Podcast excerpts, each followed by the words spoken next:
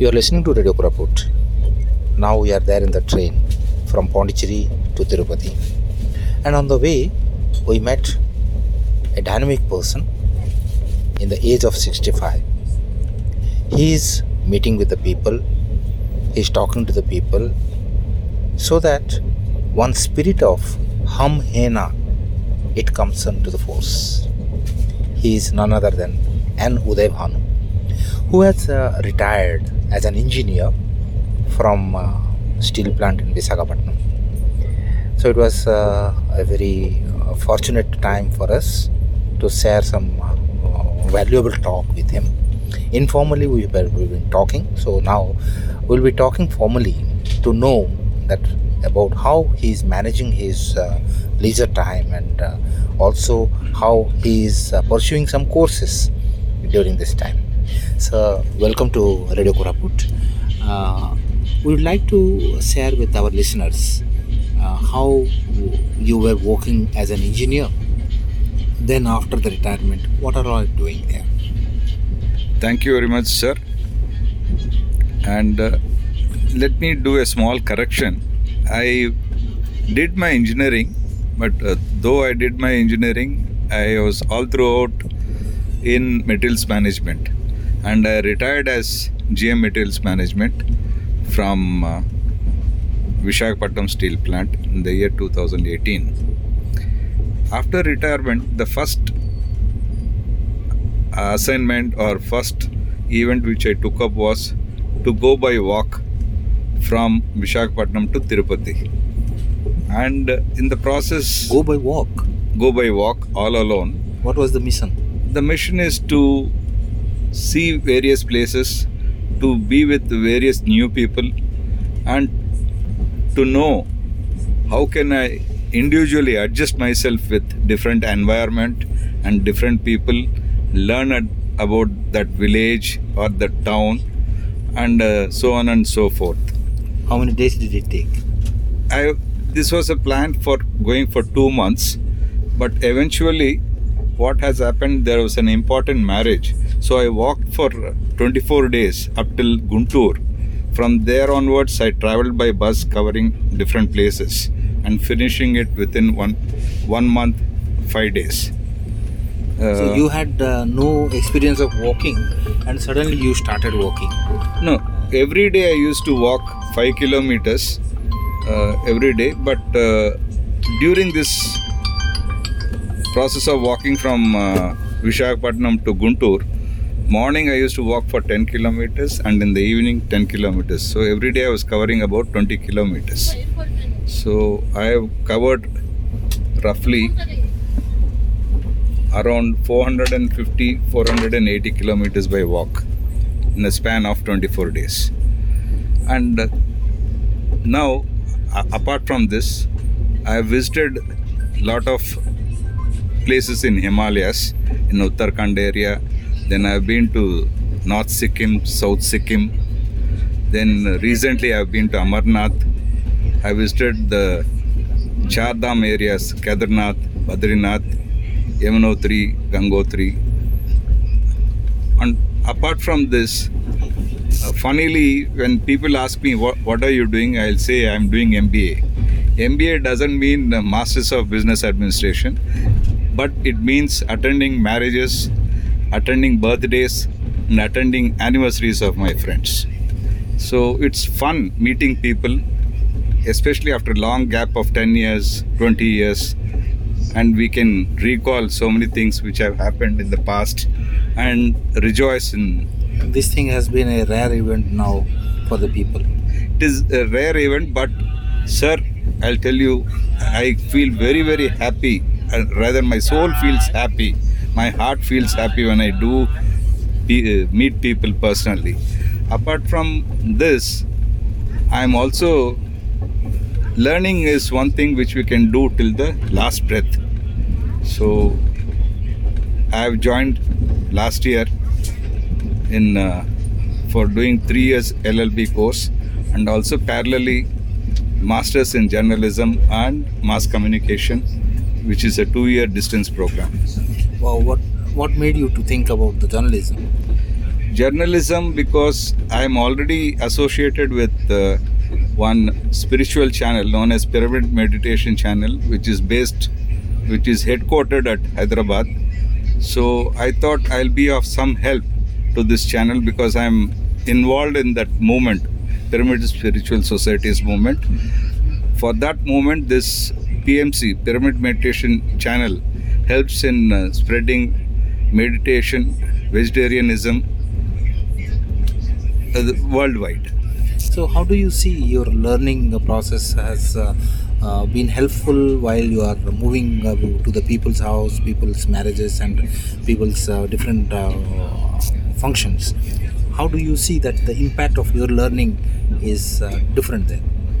the learning is two ways sir. It's uh, parallelly i learn from others and i i can also share what i have learned from other people to the people. It's a uh, it's a mixture of uh, uh, things. I learn from somebody i impart that to somebody else.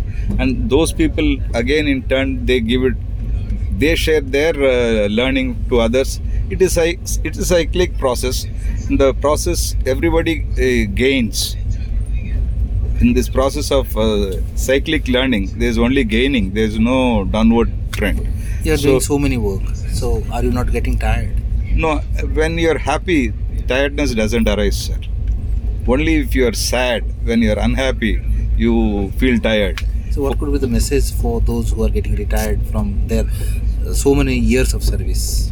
My message is that it is learning is a wonderful process till which we have to do till our last breath. And by learning not alone we learn by we also share what we learned so that it is a continuous uh, cycle where people get upgraded. Each one learns something and that person shares with so many things. So ultimately you come to know so many things and it is helpful for the society and upgradation of the society and uh, it is helpful for For the inner self also. for the inner self as well as for the soul. And once the soul is happy you are free from many diseases. And once you are free from many diseases you are a, again you are a happy person. Once you are a happy person you can only give love you can only give compassion you can only be kind and you can be you know you will uh, accumulate all good qualities and bad qualities will automatically wither away one by one As a traveler to the different places, how do you uh, give importance to the mobility and the dynamic uh, way of life rather than being a static way of life?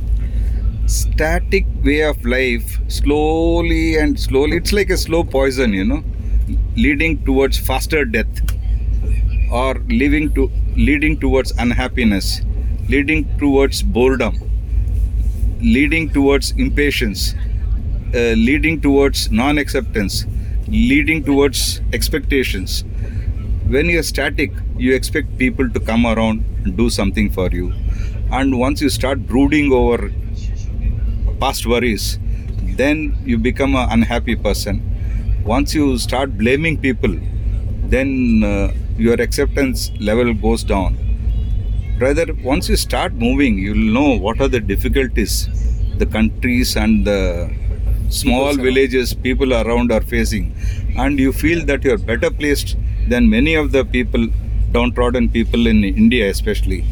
And with this, you the sense of with the sense of wisdom Fulfillment. fulfillment you will be a very happy person a happy person can do wonders to the society Thank you, sir. Uh, it was uh, a wonderful talk uh, to you, and uh, it has enriched us with uh, lots of information and also inner thought and an inner journey. It will be helping us uh, to go in that. Uh, we wish you to uh, be a person uh, who people start looking at you as uh, with the spirit of uh, like uh, having a person nearby. Uh, so let the uh, tribe uh, of yours uh, increase manifold and many more people start uh, doing this as you are doing so.